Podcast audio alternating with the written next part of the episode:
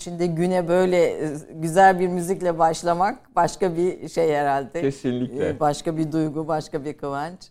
Efendim hoş geldiniz. Profesör e, Doktor Cemil Koçak konuğum. E, Hoş bulduk. e, müzikle alakanız iyi diye biliyorum. Büyük bir zevkle dinledim. Büyük bir zevkle dinlediniz. Peki o Yaprak Furkan hoş geldiniz. Ne dinledik? Aleko Bacanos'a ait bir eserdi. Pek okunmayan bir eserdi yine.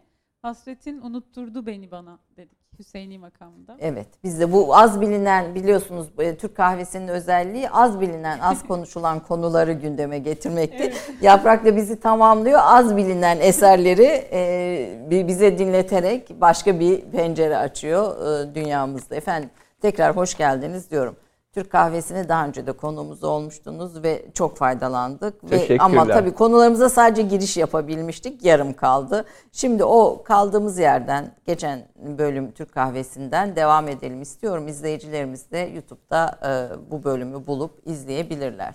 Efendim siz tarihin e, bilinmeyen, yakın tarihin özellikle bilinmeyen sayfalarını açan akademik çalışmalarıyla bilinen bir tarihçisiniz. Ve ağırlıklı olarak İsmet İnönü üzerine e, çalışarak başladınız bu yakın tarihin bilinmeyen sayfaların ve CHP Kes- tarihi üzerine. Biraz oradan başlayalım ve sonra böyle bugüne gelen konularla devam edelim istiyorum. Siz diyorsunuz ki meseleler yeni değil, Tanzimat'tan beri aynı meseleler devam ediyor. Taraflar yeni değil, aynı Kesinlikle. aynı taraflar. Bakış açıları yeni değil. E Şimdi burada yeni olmayan ve bugün de devam eden bu tartışmaların biraz yakın geçmişine dönelim. Resmi tarih nasıl tahrif edildi veya nasıl değişti e, iktidarlara göre oradan başlayalım. Şimdi de İsmet İnönü bu kitabınız ye- yeni galiba. Sizin Evet. teziniz zaten İnönü. İsmet İnönü ve Resmi Tarih kitabım ni- nispeten yeni bir kitap ve bunun e, resmi tarihte İsmet İnönü'nün nasıl anlatıldığını ve bu anlatımın zaman içinde nasıl değişikliklere uğradığını anlatmaya çalışıyorum bu kitapta. Ve aslında bu e, ki- kitap çerçevesinde de resmi tarihin nasıl oynanabilir bir şey olduğunu, üzerinde değiştirilebilir bilir bir şey olduğunu görüyorsunuz. İnönü bizim bildiğimiz kadarıyla milli mücadelenin kahramanlarından Sakarya Meydan Muharebesi'nin Lozan'ın e, mü- müzakerelerinin baş kahramanı. Böyle bir isim iken ne oldu da İnönü tarih sayfasından e, silindi demeyelim de düşürüldü. Evet. Oradan başlayalım buyurun. Ee, bu anlattığımız hikaye 1937 yılının sonbaharına denk gelen bir hikaye. Yani e, Cumhuriyet'in ilanından hemen sonra Başbakanlığa atanmış olan İsmet Paşa'dan e, söz ediyoruz. Neredeyse Cumhuriyet döneminin, erken Cumhuriyet döneminin kesintisiz başbakanlığını yapmış bir kişiden söz ediyoruz. Tabi bunun biraz önce sizin sözünü ettiğiniz geri planı da var. Yani Batı cephesi komutanlığından Lozan'a kadar gelen bir öykü de var İsmet Paşa'nın arkasında. Ee, nasıl oldu da 1937 yılının sonbaharında, Eylül ayında e, bir sabah gazeteyi açan e, gazete okuyucuları e, Başbakanın sağlık nedenleriyle bir süre için görevinden ayrıldığını okudular. Okumak durumunda kaldılar. İsterseniz bunu açmaya başlayalım evet, şimdi. Buyurun. Ee, açıkçası Cumhurbaşkanı Atatürk ile İsmet İnönü arasında e, değişik dönemlerde çok farklı konularda çok farklı fikir anlaşmazlıkları olduğunu biliyoruz. Kısaca özetlemek gerekirse eğer bunların önde gelen nedenlerinden bir tanesi Cumhurbaşkanının İsmet Paşa'nın hükümetine İsmet Paşa'nın deyimiyle dışarıdan fazlasıyla müdahale ediyor olması ve bu müdahalelerin İsmet Paşa'nın e, tırnak içinde sabrını taşırmış olması. İkinci mesele özellikle iktisadi politika konusunda devletçilik meselesinde Atatürk ile İsmet Paşa arasındaki devletçilik anlayışının e, farklı olması. Bu Lozan sonrası borçların ödenmesi konusunda galiba altınla mı parayla mı e, o daha çok e, Fethi Bey'in serbest bırkasıyla e, alakalı, alakalı evet. bir mesele. Bir üçüncü mesele dış politikada izlenmesi gereken hat.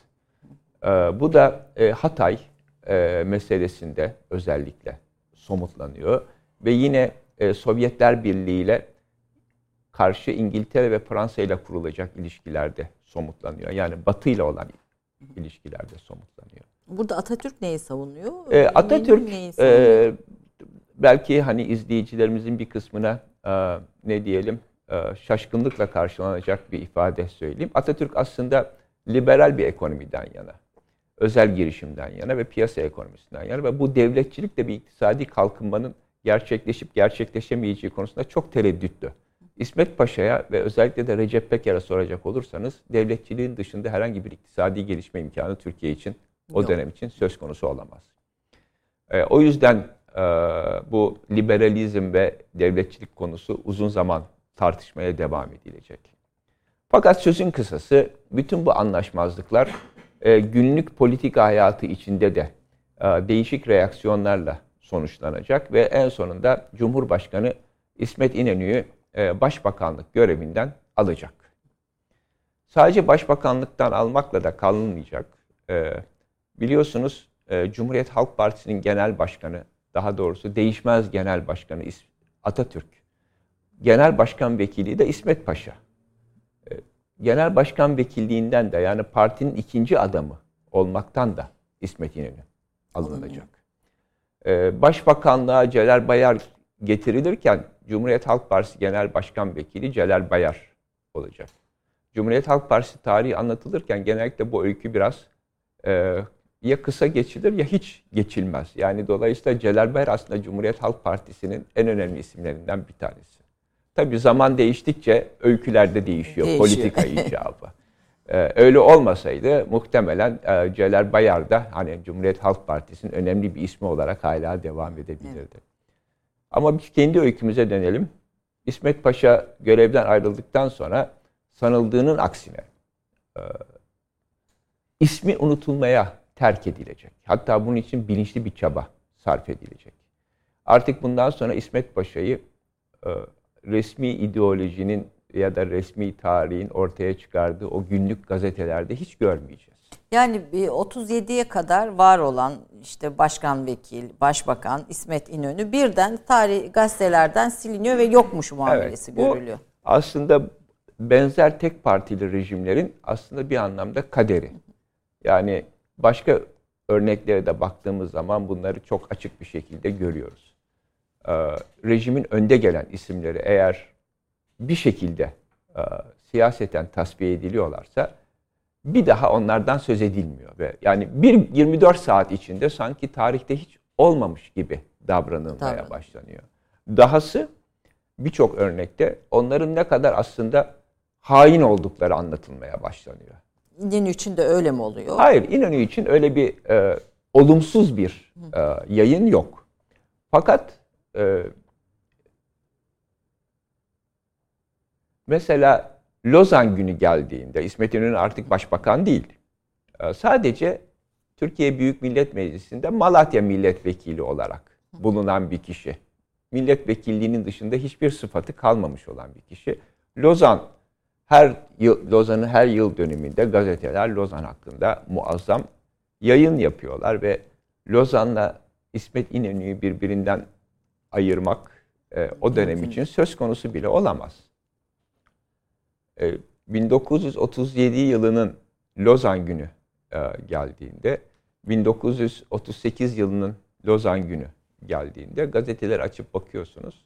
İsmet Paşa günlüğüne şöyle yazıyor. Lozan hakkında tek bir kelime bile yazdırtmadılar. O 38'in Lozan yıl dönümü gazetelerde ne Lozan'a ait o kadar önemli bir yayın var. da okuyorsunuz. Meğersem İsmet Paşa Lozan'da hiç yokmuş. Öyle bir isim yok yani. Yok, geçmiyor. Lozan'la İsmet Paşa artık bir arada değiller. Şimdi bu e, gösteriyor ki bize tarih nasıl rahatlıkla değiştirilebilir. Evet. Yani uzun yıllar boyunca e, Lozan kahramanı olarak okuduğumuz, bildiğimiz, e, bize öyle aktarılan İsmet Paşa meğersem 38'in siyasi konjonktür geldiğinde e, rahatlıkla oradan çekip çıkarılabiliyor. Yok farz ediliyor. Yok farz ediliyor. İsmet İnönü'nün buna hiç tepkisi olmuyor mu? Hayır. Ee, enteresan bir şekilde İsmet İnönü e, Ankara'da e, Pembe Köşk'te e, evinde münzevi bir hayat geçiriyor. Kim? Bir suikast meselesi de var, var. galiba notlarınızda dikkat Çünkü e, 1938'in aşağı yukarı başından itibaren Atatürk'ün sağlığının hiç iyi olmadığı ve yakın bir zamanda Atatürk'ün kaybedilebileceği anlaşılmış vaziyette. Dolayısıyla İngiliz Büyükelçisi'nin Londra'ya yazdığı raporda olduğu gibi o şöyle yazıyor. Türkler yakında yeni bir cumhurbaşkanı seçmek zorunda kalacaklar diye yazıyor. Bunu o Ankara'nın siyasi eliti içinde artık duymayan yok. Kamuoyuna duyurulmuş bir şey değil ama siyasi elit içinde herkes bunu biliyor. Ve 1938 yılının 10 Kasım'ına kadar geçecek sürede birkaç ay boyunca bir cumhurbaşkanlığı meselesi ortaya çıkıyor. Kim cumhurbaşkanı olacak? Atatürk'ten sonra. İşte o sırada İsmet İnönü aynı zamanda Pembeköşk'te münzevi bir hayat yaşarken yeni cumhurbaşkanlığı seçiminin içinde kendi adaylığını siyaseten gündemde olabilmesi için çaba harcıyor. Ve tabii İsmet Paşa'nın yanında olanlar da var, karşısında olanlar da var. Hükümetin kabinenin içinde de var. Kabinenin içinde de var. E, Atatürk'ün en yakınları e, İsmet Paşa'nın Cumhurbaşkanı olmaması için ellerinden gelen her şeyi yapacaklar. Mesela Dışişleri Bakanı Tevfik Rüstü Aras. O da e, Başbakan İsmet İnönü gibi değişmez Dışişleri Bakanı e, Atatürk döneminin. Mesela İçişleri Bakanı Şükrü Kaya aynı şekilde hiç değişmez İçişleri Bakanı. Bu iki bakan e, Celal Bayar hükümetindeler ama İsmet Paşa hükümetindeler aynı zamanda eskiden.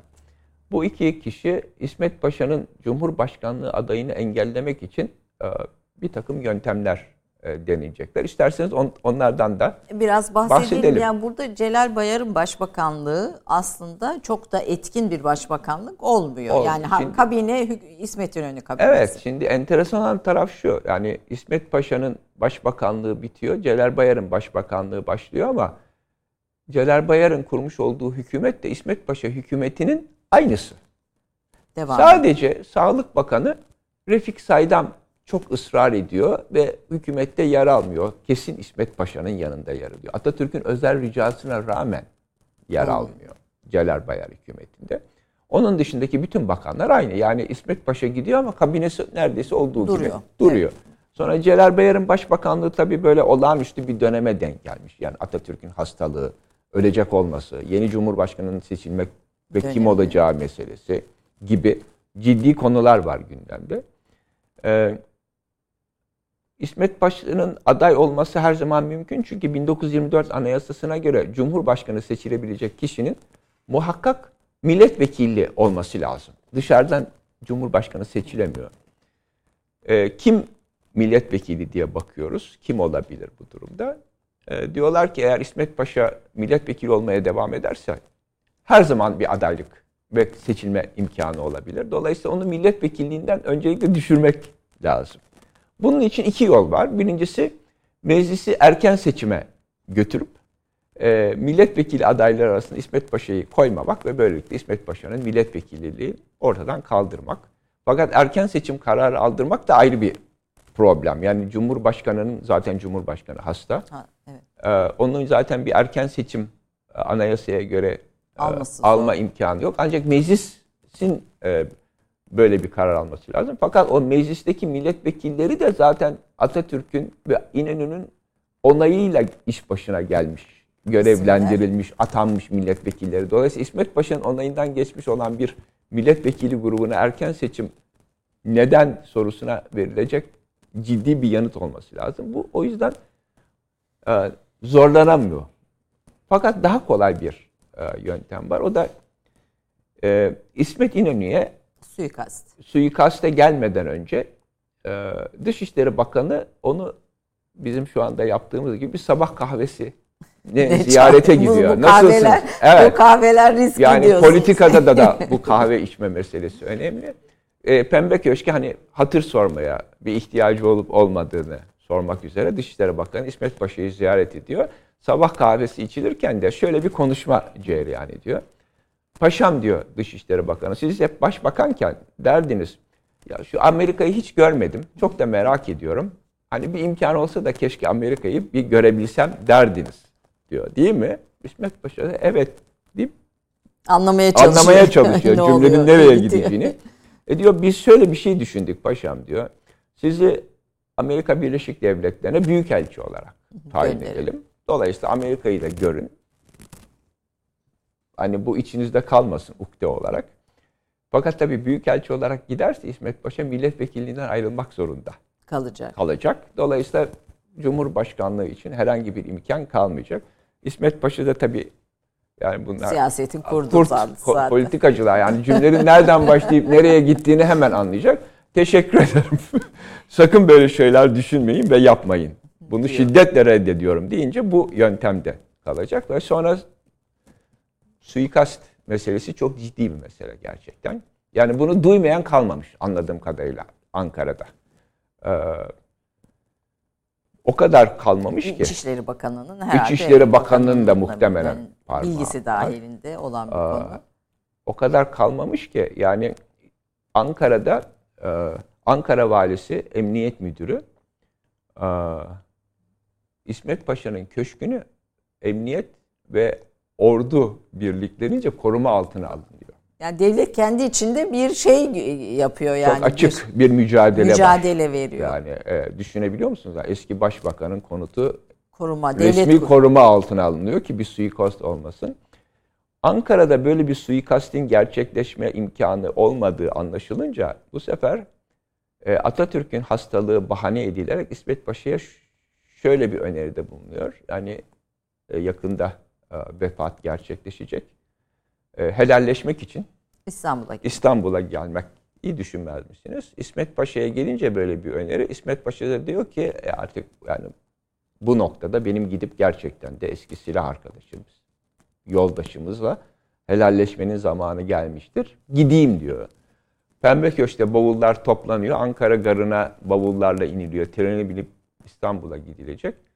Bu Recep e, pardon Celal Bayar hükümetinde görev almayan e, Sağlık Bakanı Refik Saydam da geliyor gara ve İsmet Paşa'ya diyor ki ben trenin önüne yatarım sizi göndermem. Hı, Çünkü orada anladık biz. Yani suikasti. suikasti İstanbul'da yapacaklar. Çünkü İstanbul'daki grup e, İsmet Paşa'nın şeyine karşı, Cumhurbaşkanlığına karşı. Bunun üzerine İsmet Paşa tekrar bavullarını toplayıp Pembe Keşke geri dönecek ve böyle bir görüşme Atatürk'le helalleşme. Atatürk'le hiç vefatından önce hiçbir görüşme olmuyor. Hayır, bu hastalığı sonra... sırasında hiçbir görüşme olmayacak artık. E, Başbakanlıktan ayrıldıktan sonra birkaç defa görüşecekler. Hatta sofraya da davet edilecek. Fakat o, o çok kısa bir süre. Ondan sonra bir daha asla Hiç görüşmeyecekler. ne, sofraya ne de herhangi Hiçbir bir yere görüşme davet mümkün edilmeyecek. olmuyor. Peki İnönü tekrar Cumhuriyet Halk Partisi'nin başına nasıl geçiyor ve milli şeflik dönemi nasıl başlıyor? Onu bir kısa reklam arası verelim. Kısa bir reklam arasından sonra dinleyelim. Ee, tarihin detayları gibi görünen olaylar aslında bir zihniyeti, bir bakışı da ortaya Kesinlikle, koyuyor. kesinlikle. E, ben konuyu dağıtmamak için girmedim ama bu e, su- suikast deyince İzmir suikasti, serbest fırka dönemi onlar da tabii bu başlıkları içinde e, ayrı bir konu. Bu da bu siyasetin bir parçası anladığım Muhakkak, kadarıyla. Hem muhakkak. par- parti kapatmak hem de e, Bunların da tarihsel gelenekleri ve geçmişleri var. Birbirleriyle ilgili konular. İttihattan beri devam. İttihatçılık meselesiyle de çok yakından ilgilidir. Siz Cumhuriyet Halk Partisi İttihatçılığın devamı. Devamıdır. Evet. İttihat Terakki Partisi'nin devamıdır diyorsunuz. Daha önceki e, bölümlerde Evet. söylemiştiniz. Sol bir parti değildir ve hiçbir zaman da olmadı Olmamıştır. diyorsunuz. Şimdi bunun sebeplerini anlamaya ve konuşmaya devam ediyoruz. Yakın tarihin aslında dip bucak dibine inerek tabii böyle hani çok bilinen üstte anlatılan resmi tarih söylemleriyle değil de araştırmalarla e, yapılan çalışmalarla ortaya çıkar, çıkan bulguları konuşuyoruz. Kısa bir reklam arasından sonra Türk Kahvesi'nde buradayız efendim.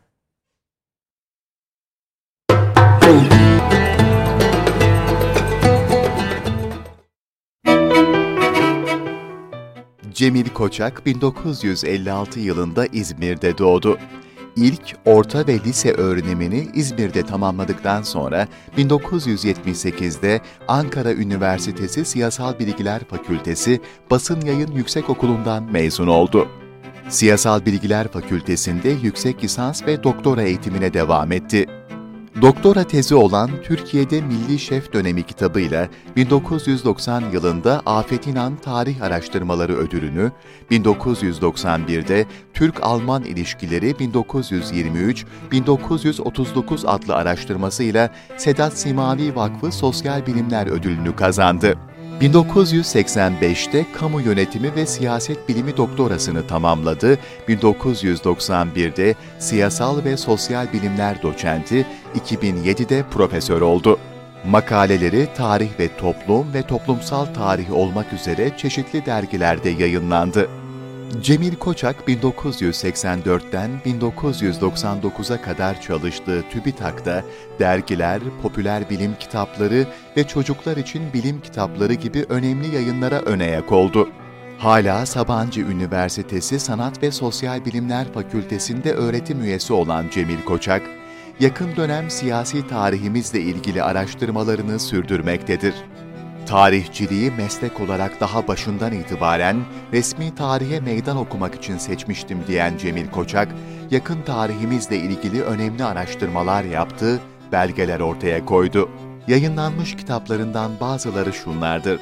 Madalyonun Arka Yüzü, İsmet İnönü ve Resmi Tarih, Türkiye'de Milli Şef Dönemi, Abdülhamit'in Mirası, Belgelerle Heyeti Mahsusalar, Belgelerle İktidar ve Serbest Cumhuriyet Fırkası, Geçmişiniz itinayla temizlenir, 6 cilt olarak yayınlanan Türkiye'de iki partili siyasi sistemin kuruluş yılları 1945-1950, tek parti döneminde muhalif sesler, Cumhuriyet ve şefler, Recep Peker konuşuyor, disiplinli hürriyet. Tarih büyük harflerle yazılmaz. Cemil Koçak'ın yayını hazırladığı kitaplardan bazıları ise şunlardır. Samet Ağaoğlu Siyasi Günlük, Demokrat Parti'nin kuruluşu ve 27 Mayıs Bakanlar Kurulu tutanakları.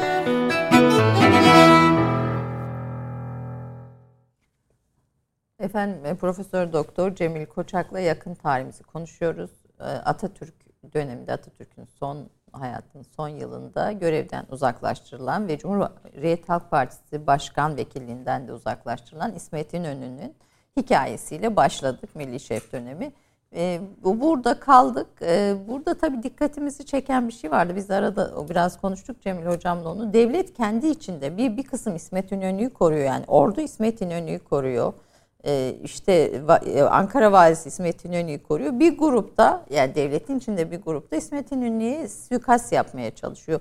Devletin içindeki bu çatışma e, hep görülüyor mu siyasi tarihimizde diye sormak istiyorum. Ee, zaman zaman aşırı derecede görülecek. Bugüne kadar ki tarihimize baktığımız zaman e, siyasi ve iktidar mücadelesini normal koşullar altında devletin içinde görmememiz gerekirken e, bizim tarihsel evrimimizin e, getirdiği sonuçlardan bir tanesi devletin bizatihi kendisi siyaseti yapan e, bir örgütlenme biçimi ve o devlet içinde yer alan e, kişilikler de bunun bir parçası haline geliyor ve kolay gruplaşmalar ve gruplar arası şiddetli mücadeleler.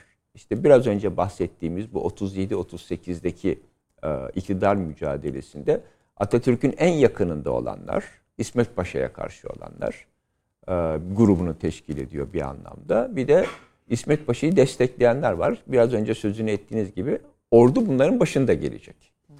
Fevzi Çakmak bunların başında gelecek. Fakat burada isterseniz hani belki de şaşırtıcı gelecek bir başka destekten daha söz edelim.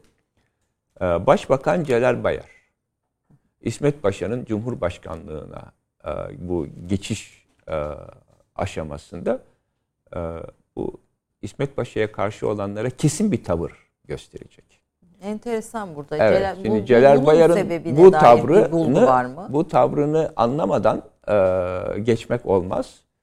E, İsmet Paşa'ya karşı böyle hani onu tasfiye etmekten suikaste kadar giden değişik e, seçenekler ortaya çıkınca Celal Bayar Şükrü Kaya'yı İçişleri Bakanı Şükrü Kaya'yı çağıracak ve diyecek ki duyuyorum ki perde arkasında bir şeyler yapmaya çalışıyorsunuz.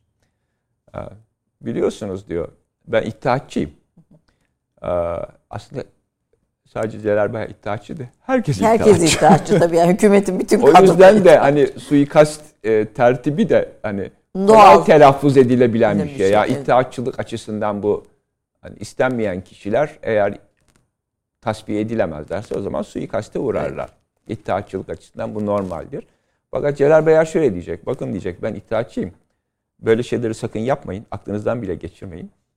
Ee, Eğer yapmaya devam ederseniz sizi önce asarım sonra mahkeme ederim diyecek. Bu da Şimdi önce asıp ma- sonra mahkeme etmek de bir gelenek. Evet, bu da iddiaçılığın bir başka e, formülasyonu. E, o kadar e, İsmet Paşa'ya karşı olan gruba o kadar sıkı duracak ki e, bunun sonucunda e, her ne kadar Cumhurbaşkanı İsmet İnönü zamanında başbakanlıktan hemen ayrılmak zorunda kalacaksa da Celal yani Bayar. Celal Bayar İsmet Paşa'yla çalışamayacaksa da e, her zaman İzmir milletvekili olarak kalmaya devam edecek bir kere. Mesela Dışişleri Bakanı Tevfik Rüstü Aras, hani biraz önce Evet, sözünü ettim. Evet, İsmet'in önünde. E, onu Washington'a büyükelçi olarak gönderme niyetinde olan e, zat-ı muhterem İsmet Paşa Cumhurbaşkanı olur olmaz Tevfik Rüstü Aras'ı e, hükümetten uzaklaştırdığı gibi kendisini Londra'ya büyükelçi olarak gönderecek. Bu büyükelçi gönderme de bir gelenek Evet, galiba. mesela yani uzaklaş- Serbest Fırka'nın başkanı Fethi Bey. Evet, Ee, Fethi Okyar. O da Fethi Okyar da o Serbest Fırka macerasından sonra Paris'e büyükelçi olarak gönderilecek. Kadro dergisinin e, ünlü isimlerinden 1930'da çıkan e, Yakup Yakup, Kadri Kadri. Karaosmanoğlu e, ileride yani Zoraki Diplomat kitabını yazacak. Çünkü o da büyükelçi olarak işte Tahran'a gidecek vesaire. Hani bu e, biraz hani ne diyelim hani siyasetten uzaklaştırma e, işlevi gören fakat aynı zamanda da hani kişileri hani fazla da e, gururunu yok etmeyecek yöntemler hani sonuç olarak büyükelçi oluyorsunuz. Dışarıda bir göreve at- Evet. atanıyorsunuz. E, aslında bunu zaman zaman Abdülhamit de yapardı. O oradan da gelen, Gelen bir gelenek, gelenek, bu. E, hem uzaklaştırmış oluyorsunuz hem de onu o kadar göz önünde tutmaya da devam ediyorsunuz aynı zamanda. Ee, İsmet İnönü'ye tekrar geri, geri, geri döndüğümüzde İsmet İnönü Cumhurbaşkanı olmasını Celal, Celal Bayar destekliyor. Destekliyor. O yüzden de 1946 yılında yeni bir parti kurma e, fikri e, Ortaya gündeme çıktı. geldiğinde e, İsmet İnönü e, eski arkadaşlarına dönecek. Nasıl serbest fırka fikri doğduğunda Atatürk Fethi Okyar'a Dönmüş. dönmüşse 40 aradan geçen 15 yıl sonra İsmet İnönü de eski arkadaşlarına dönecek.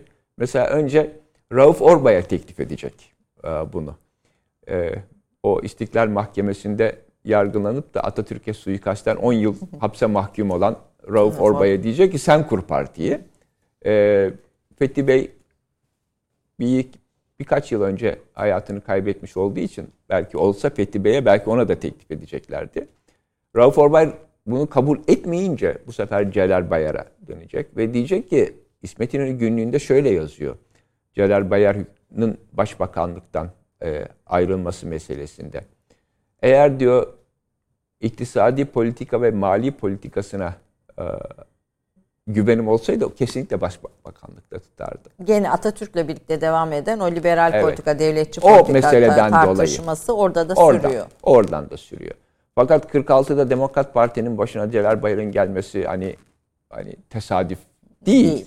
Evet. Yani İnönü'nün İsmet. İnönü'nün güvendiği e, ve hani siyasi tecrübesi olarak neden güveniyor diye sorulacak olursa eğer izleyiciler tarafından bu yüzden güveniyor. Yani kendisine o dönemde destek olduğu için. Hatta e, 27 Mayıs darbesinden sonra Yassıada Mahkemesi'nde e, Celal Bayar yargılanırken e, şeyler, hakimler kurulu e, Halk Partisi'nin ve İsmet Paşa'ya karşı Celal Bayar'ın ve tabii bütün Demokrat Parti'nin önde gelen isimlerin bu kadar şiddetli saldırılarını e, eleştiri konusu yapıp bunlardan suçlama çıkardık, çıkarmaya başladıkları zaman Celal Bayar genellikle savunma e, konusunda çok hani ısrarlı değil. Yani böyle uzun uzun savunmalar Yapmıyor. yapmıyor. Fakat bir noktada herhalde dayanamıyor. Ee, hani İsmet Paşa'ya karşı siz niye bu kadar hani, celallendiniz tarzı e, suçlamalara karşı diyecek ki böyle bir şey yok. Tam tersine İsmet Paşa'yı ben korudum diyecek. Diyor o, o zaman. Yassıada savunuyor. Yassıada savunmasında. Tabii o zaman da denecek ki siz kimsiniz ki İsmet Paşa gibi birisini siz koruyabileceksiniz. Ama hikayenin arka planı bu. Gerçekten de böyle.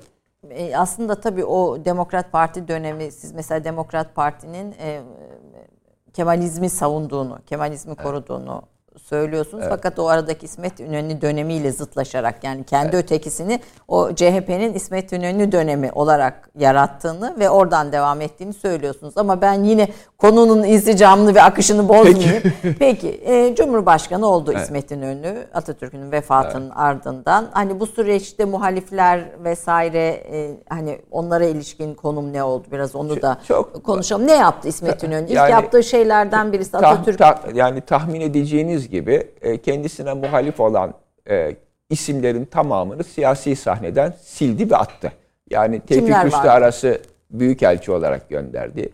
Şükrü Kaya İçişleri Bakanlığı'ndan alındı ve bir daha hiçbir zaman milletvekili olamadı ve siyasi sahneden tamamen silinip gitti. Oysa gönlünde yatan onun da Cumhurbaşkanlığıydı. Cumhurbaşkanlığıydı. Çünkü sizin bu e, bu kitapta İsmet İnönü resmi tarih e, kitabında e, gazete başlıklarında verdiğiniz örneklerde işte o dönemin ulustan Gazetesi, ve diğer evet. e, bütün o yazıların hepsinde Şükrü Kaya'nın aslında o son bir yılda kendi cumhurbaşkanlığını e, örmek için bir çabada sarf ettiğini Evet. İnönü'yü silerek Kesinlikle. e, anlatıyor, gösteriyor. Kesinlikle. Ee, sonra e, Atatürk'ün özel kalem müdürü Hasan Rıza Soyak yine karşı grupta yer aldığı için tamamen tasfiye edildi ve bir daha e, onun ismini hiç duymayacağız o tarihten itibaren. Yani Atatürk'ün yakınında olan e, hat- yani hatta anılarda şöyle geçiyor. Çankaya'da çalışan herkes Tasfiye edildi. tasfiye edildi. Başka bir kadro geldi oraya köşkte. Fakat enteresan olan nokta şu.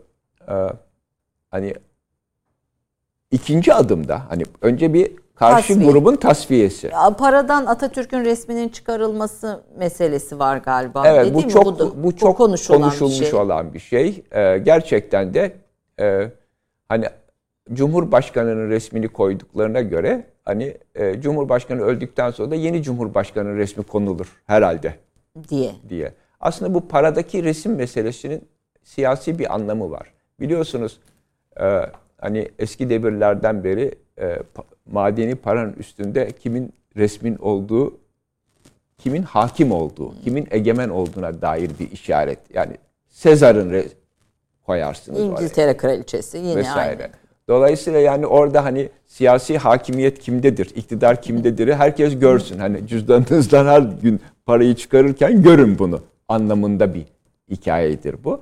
Fakat sonra bunun çok tabii ne diyelim spekülasyonu olacak. Ee, fakat bu, bu spekülasyonu burada isterseniz Bırakalım. bırakalım. Enteresan olan nokta şu. İsmet İnönü Atatürk döneminin muhalifleriyle barışacak. Yani bir yandan tasfiye var, diğer yandan daha önce yapılmış olan bir tasfiye hareketi var.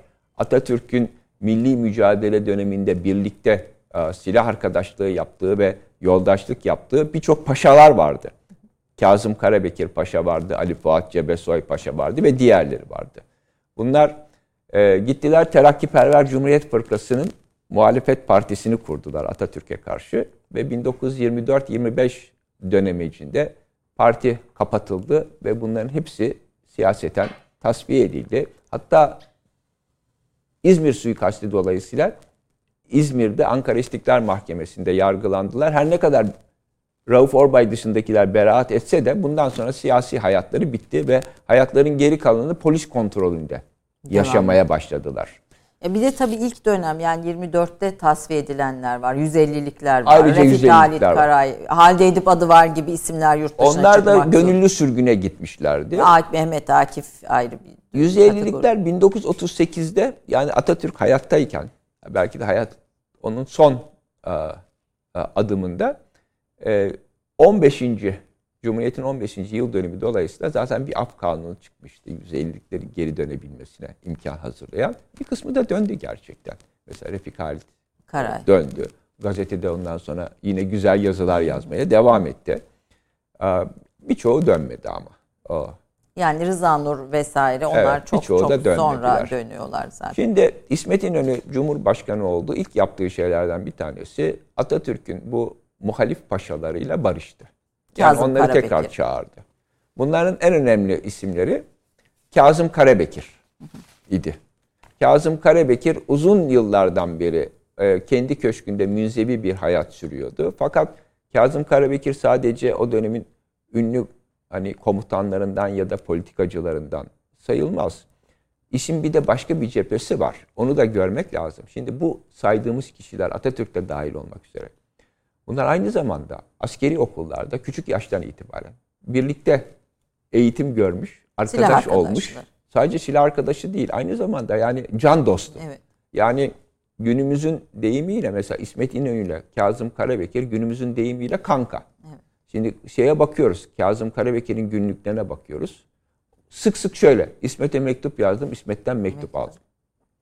Yani İsmet nerede derseniz Yemen'de. Evet. Yemen'de. Oradan mektuplaşıyorlar. Ya yakınlıkları çok fazla olan insanlar. Birbirlerini çok yakından tanıyorlar. Bunlar ya sadece politik yoldaşlıklar değil bunlar. Politikada bir e, birliktelikler değil.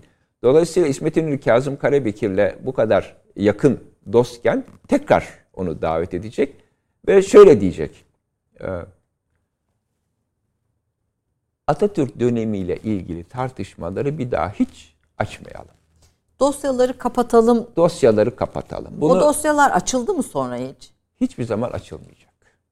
Ya Tam Atatürk, anlamıyla. Atatürk dönemiyle ilgili dosyalar İsmet İnönü Cumhurbaşkanı olmasıyla kapanmış. kapandı. Bütün yani İsmet Paşa'nın e, siyaseti şu. Yani geçmişte olup bitenleri hep birlikte unutalım. Buna karşılık Kazım Karabekir'i Cumhuriyet Halk Partisi milletvekili olarak tekrar meclise alıyoruz. 1946'da da meclis başkanı olacak Kazım Karabekir. Siz Karabekir'in kavgası diye ilk defa yayınlanan belgelerle Evet. bir kitap yazdınız Kazım. Peki Kazım Karabekir'in kavgasının ana sebebi neydi? Milli mücadele anlatısını nasıl e, kurguluyordu diyelim. E, e, ve tabii biraz tarihin yazımı da böyle. Niye dışlandı? Ee, Çok kısa hani birkaç gibi. tane e, birkaç tane önemli nedenden bahsedelim. Şimdi biliyor bütün izleyicilerimiz hemen hatırlayacaklar. Nutuk 1927'de okunduğu zaman Nutuk'un ilk cümlesi herkesin hafızasına kazınmıştır. Ee, 1919 yılının Mayıs ayının 19'unda Samsun'a çıktım diye hikaye başlar Atatürk'ün ağzından. Yani milli mücadelenin Samsun'la başlıyor olması, bütün resmi tarihin böyle başlıyor olması 1927'den sonra olmuştur. Ya o zamana kadar Samsun Milli Mücadele 19 Mayıs e, Bir, o kadar bir adımdı. bir- bilinen bir e, öykünün önemli parçası Nasıl değildi. değil? Ama önemli olan nokta şu. Böyle başlıyor olması. Şimdi Kazım Karabekir'in Mil- e, Milli Mücadele kitabına bakıyoruz. O da ondan aşağı yukarı bir, bir buçuk ay önce e, Gülcemal vapuruyla aynı şekilde İstanbul'dan hareket etmiş.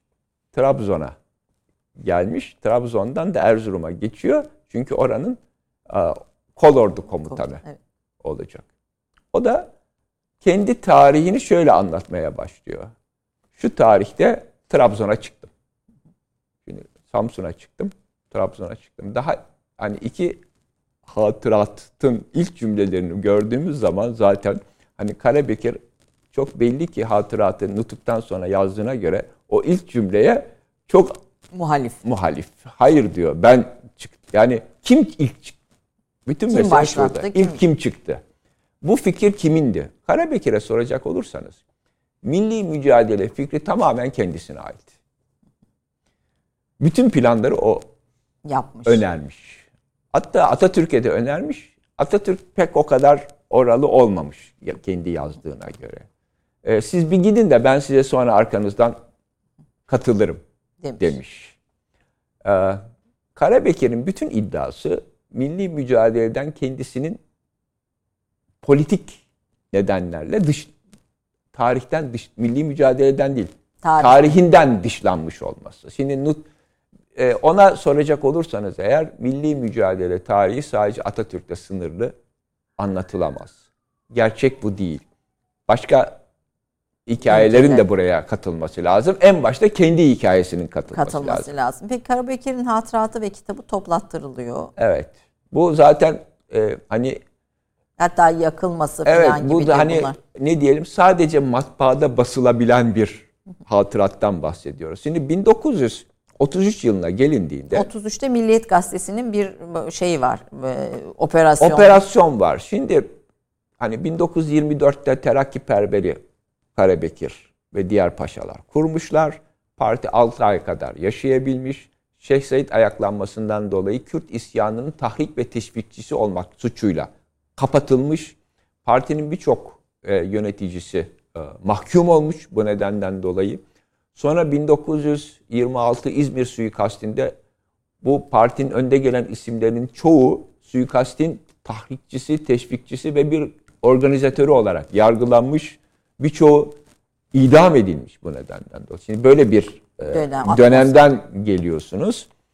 19 ondan sonra birdenbire ortadan kayboluyorsunuz. Artık hiç kimse sizin isminizden söz etmezken 1933 yılında Milliyet Gazetesi'nde birdenbire milli mücadelenin bilinmeyenleri başlığıyla bir milli mücadele tefrikası ortaya çıkıyor.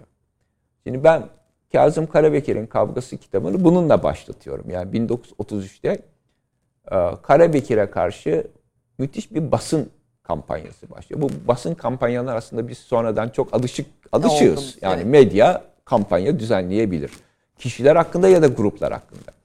Şimdi burada Karabekir'in milli mücadeledeki e, yeri e, tekrar bir anlamda kamuoyunun nezdinde alçaltılmaya çalışıyor. Karabekir her defasında Atatürk'e karşı çıkan, her defasında Atatürk'ün doğru istikametine karşı yanlış istikamet gösteren, e, bu konuda ısrar eden, e, fakat. Atatürk'ün ısrarları karşısında yine o yanlış yolundan iyi kötü tekrar doğru yola gelen ve en sonunda artık e, işte muhalif olan kişi olarak lanse ediliyor.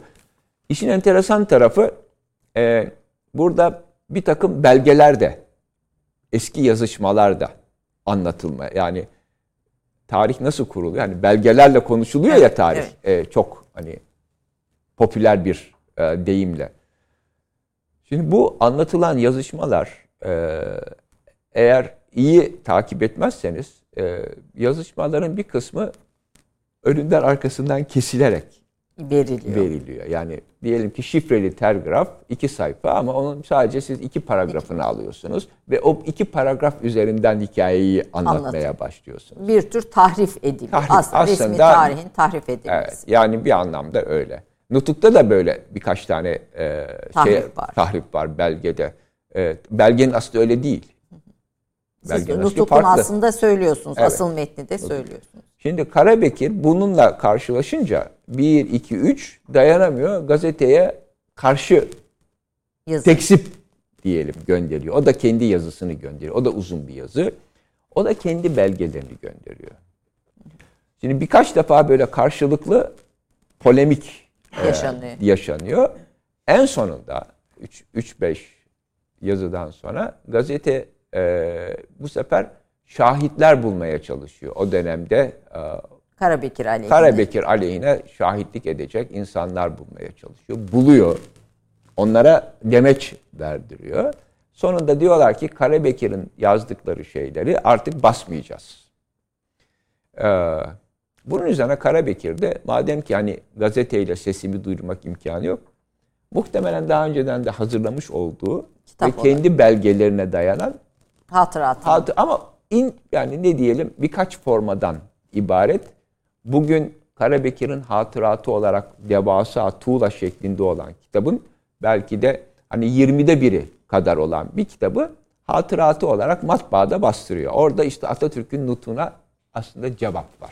Orada anlatılanın e, doğru bir öykü olmadığına dair, kendisinin ne hakkında yapılanların, yayınların doğru olmadığını. Fakat bu haber alındığı için matbaada ha- basılan nüshalar, bası, matbaayı basan emniyet güçleri tarafından el, Ele geçiriliyor. ele geçiriliyor, toplatılıyor ve imha ediliyor. Yakılıyor. Yakılıyor. O Karabekir'in yakılan hatıratı denilen şey bu. 1933 yılında olan.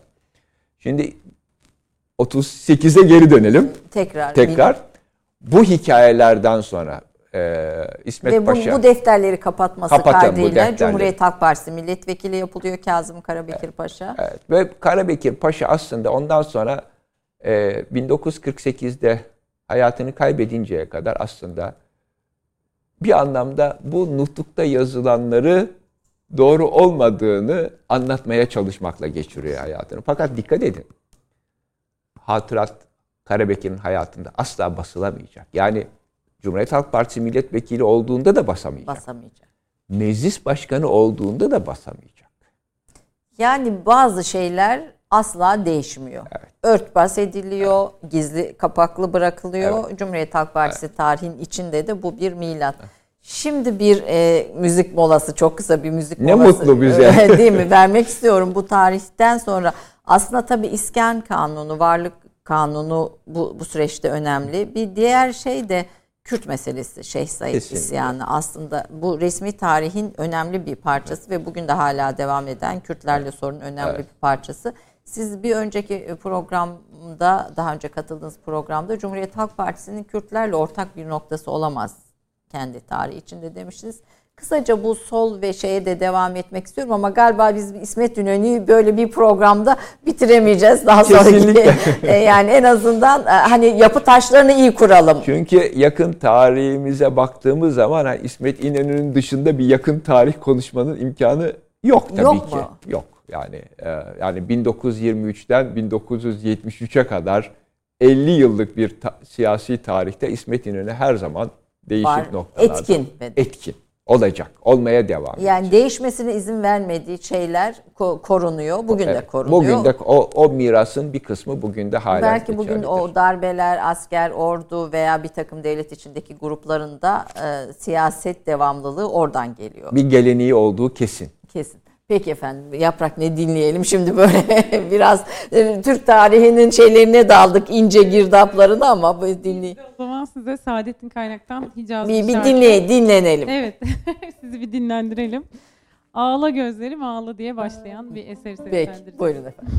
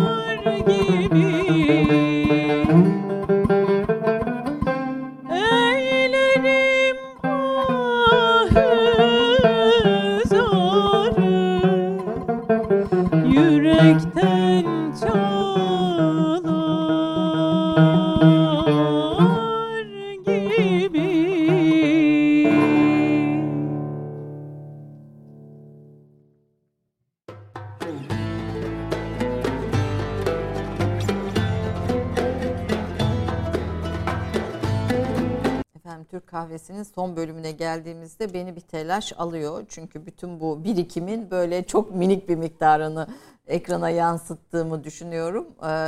1923'ten 73'e Türk tarihinde, Türk siyasi tarihinde etkili olmuş bir isim İsmet İnönü'yü konuşuyoruz. Bu konuda Türkiye'de araştırmaları, tezi çalışmalarıyla en otoriter isim diyeyim. Otorite doğru bir tanım. ee, Çok o, naziksiniz. Teşekkür e, ederim. İsim olan Profesör Cemil Koçak'tan o yılları dinliyoruz. E şimdi ben tabii konular arasında seçemiyorum ama şimdi güncellik itibariyle bir Hatay meselesine kısaca girelim. Çünkü o yılların hay gündemin hay. içinde. İsmet İnönü'yü biz herhalde daha sonra kabul ederseniz eğer tekrar programlarda devam edelim, etmemiz gerekiyor. Ama bu Hatay meselesinin özü nedir e, ve bugün tekrar gündeme gelmesindeki e, sebebi ne olarak görüyorsunuz? Ee, hani tesadüf oldu. Şimdi programın başında hani Atatürk ile İnönü arasındaki fikir ayrılıklarından bir tanesinin Hatay meselesi evet, olduğundan söyledim. söz etmiştik. Ee, daha geçen günde hani Hatay meselesi tekrar, tekrar ısındı. E, ben Suriye'nin talebi olarak gündeme geldi. Görüldüğü gibi yani e, tarihsel gelişmeler hani arada ne kadar zaman geçerse geçsin devam. gündemde olmaya devam ediyor. Şimdi neydi Hatay meselesi? Ee, milli mücadele yıllarında 1921 yılında Fransızlarla e, bir anlaşma yapıldı. Fransa Anadolu'dan çekilirken e, Suriye sınırı da e, Fransızlarla yapılan anlaşma gereğince tekrar çizildi ve Hatay ya da İskenderun bölgesi e, Suriye'de kaldı. Fakat bu anlaşma yapılırken o bölge için bir anlamda bir özellik e, kazanılmış oldu. Yani toprak parçası mesela Batum'da olduğu gibi tamamen Sovyetler Birliği'ne verildiği gibi değil.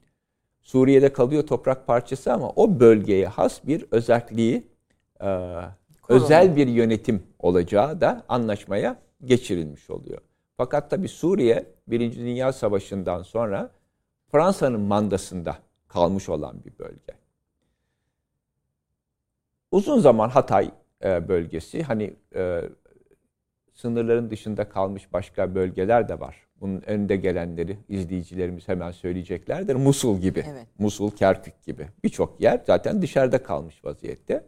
Dolayısıyla bunların tekrar gündeme gelmesi ancak zaman içinde söz konusu olabilecek. Ne zaman ortaya çıktı Hatay meselesi? Ee, enteresan olan nokta şu. Avrupa'daki güçler dengesindeki değişimle birlikte ortaya çıktı. Ne demek istiyorum? 1933 yılında Adolf Hitler'in Almanya'da Nasyonel Sosyalizmin iktidarından sonra Almanya tekrar Versay Anlaşması'nın kendisini bağlayıcı olan sınırlarını tek taraflı ve fiilen yok etmeye başlayıp e, sınırlarını genişletmeye e, ve anlaşmaya aykırı olarak askeri e, sistemini yeniden onarmaya başladığı dönemde. Birinci Dünya Savaşı'nda yenilen bir ülke olan Almanya bunun bir anlamda rövanşını, rövanşını almaya. alacak. Al, almakta o sırada. E, ve buna da kimse çıkıp da bir dakika siz ne yapıyorsunuz da diyebilecek konumda değil. Ne İngiltere ne Fransa e, Almanlara karşı bu kadar sert bir tutum gösteremiyor. Bunun üzerine Hatay meselesi yeniden basında yazılmaya başlanacak.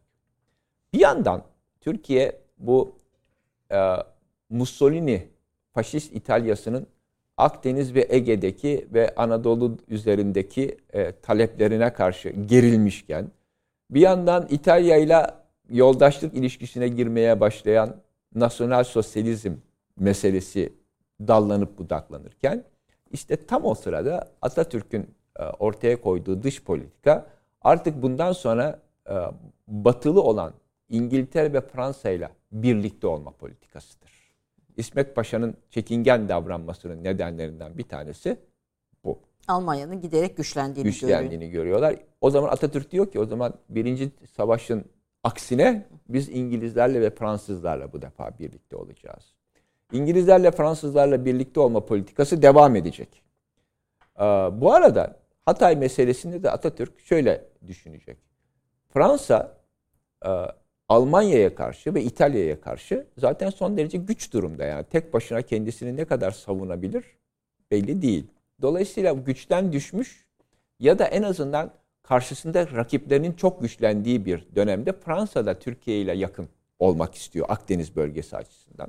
Dolayısıyla Hatay Fransa'nın inisiyatifinde olduğu için eğer yeteri kadar güçlü olmadı e, ısrar edilirse e, diplomasi yoluyla Hatay'ın yeniden e, geri alınması mümkün olabilir diyor ve bunun üzerine gitmeye başlıyorlar. İsmet Paşa'ya soracak olursanız eğer fikir ayrılığın esas nedeni bu. Hazır Fransızlarla yakınlaşma imkanı varken e, bir de Hatay meselesini çıkarıp bu yakınlaşmayı bozacak bir e, engel oluşturmamak için Hatay konusunda bu kadar ısrarcı olmak İsmet Paşa'ya göre o kadar da uygun bir politika değil. Atatürk'e soracak olursanız yani askeri müdahaleye kadar işi götürmek, işi götürmek gerekirse Fransa hiçbir şey Atatürk'e soracak olursanız Fransa hiçbir şey yapamaz Türkiye'ye karşı. Artık o kadar güçlü değil. İsmet Paşa'ya soracak olursanız bunlara hiç gerek yok. Kavgayı Diplomasiyle evet. E, masa başında konuşulur, konuşulur, konuşulur. Eğer uygun bir kıvam yakalanıp da alınabilirse ne ala. Fakat sırf Hatay toprağı için de e, Türkiye'nin batıyla olan münasebetini bu kadar e, germenin bir manası yok. Zaten e, Atatürk daha hayattayken İsmet Paşa'nın Hatay politikasına karşı gazetelerde birdenbire aleyhte yazılar, şiddetli eleştiriler çıkmaya başlıyor. Yani o dönemde hükümeti herhangi bir konuda eleştirmek mümkün değil. Yani o zaman da en şiddetli eleştiri en fazla belediye çöplerimizi yeteri kadar iyi toplayamadan ileri gidemez. Hani Atatürk'ün izni olmadan, onun görüşü olmadan ve hatta o zamanki dedikodulara göre bu yazıları bizzat Atatürk yazıyormuş ya da yazdırıyormuş, kaleme aldırtıyormuş. İsmet Paşa hükümetine karşı. Ee, Hatay meselesi bu şekilde ortaya çıktı. Atatürk gün bu kadar ısrarı olmasaydı muhtemelen Hatay belki de bir daha Türkiye'ye katılmazdı, katılamazdı.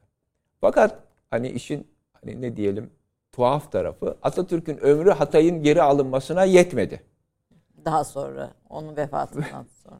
hani hani tarih birazcık da böyle hani diyelim espriler evet, yapabiliyor. Evet. Hatay konusunda o kadar ısrarcı olmayan İsmet İnönü'nün Cumhurbaşkanlığına denk geldi denk Hatay'ın geri alınması. Ve İsmet Paşa bunu şöyle kullandı. Ee, İngiltere ve Fransa ile kurulan ittifakın bir parçası olarak Hatay'ın geri alınmasını istedi. Ve İngiltere, Fransa buna hiç yanaşmak istemedi tahmin edileceği gibi. Fakat İngiltere Türkiye'yi Alman, İtalyan ittifakına karşı Akdeniz'de Korun. yanına almak istediği için bu sefer İngilizler de ısrar etmeye başladılar Fransızlara. Yani sırf Hatay meselesi yüzünden Türkiye'yi e, ittifaka alamıyoruz. Halbuki çok gereken bir konu bu. Dolayısıyla tam o siyasi konjonktürde ve askeri konjöktürde Hatay e, Türkiye'ye Fransızlar tarafından İngilizlerin de ısrarı üzerine teslim edilmiş oldu. Şimdi e, tabi Suriye devleti diye bir devlet var ama e, Fransız mandası olduğunda Fransızların iktidarı geçerli ve Fransızlarla anlaşma yapılıyor. Sonradan 2. Dünya Savaşı'ndan sonra Suriye devleti bugünkü Fransız mandasından ancak kurtulacak. E, o yüzden Suriye devleti açısından hani e, Hatay bir anlamda sembolik bir Yani yeniden bir devlet olma sürecinde, yeni bir devlet olma sürecinde sembolik bir talep. Burada siz Rusya'nın da Ben bugünkü konjonktürde hani bunu, bu arada bir ortaya çıkar. Hani Suriye devleti harita yaparken Hatay'ı kendi topraklarında gösterir koyar, falan gibi haberler okuruz ya. Ee, Bu bizim birazcık da hani ne diyelim hani Musul ve Kör, Kerkük, için Kerkük, e, duyduğumuz hisler gibi. hislerle o karşılaştırmak lazım. Ya da Batı Trakya gibi. Evet. gibi Balkan Savaşı'nda kaybettiğimiz Balkan toprakları gibi. Ee, gönülde hani yara olmuş yerler. Muhtemelen Suriye devletinin şu anda zaten hani hacmi herhangi bir toprak parçasını e, talep edecek durumda değil. Zaten kendi toprağını kaybetmiş vaziyette. Onu Evet. kontrol edemiyor.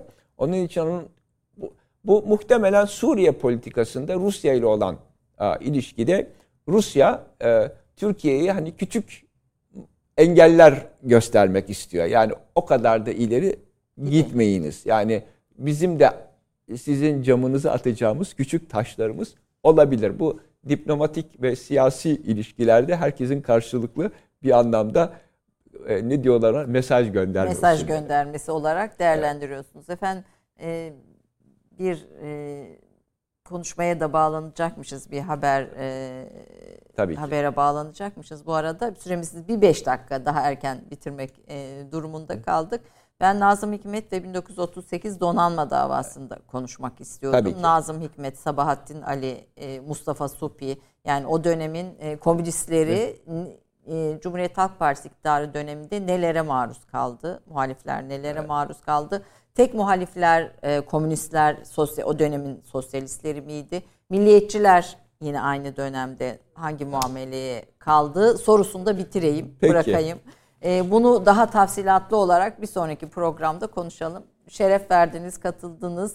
E, bu kitaplar işin şeyini, detayını çok da güzel anlatıyor. Tabii biz arada sohbetlerde e, detay e, şeyler de koy- konuşuyoruz. Mesela bu resmin hikayesi gibi. Hani niye böyle e, eli burada resim veriyor? Hocam bunun Napolyon geleneğinde e, geldiğini bu, e, bulduğunu söyledi. Böyle çok küçük detaylar bütün bu kitaplarda yazıyor efendim. Bir sonraki programda tekrar bir başka programda sizi konuk etmek üzere bir virgül koyalım bugünkü sohbetimizde. Tekrar- Davetiniz için teşekkür ederim. Estağfurullah efendim. Çok çok memnun oldum. Size de çok teşekkür ediyorum. Bir üçüncü e, şarkıya bugün fırsat kalmadı. Bir başka sefere tekrar. Peki efendim haftaya görüşmek üzere. Hoşçakalın.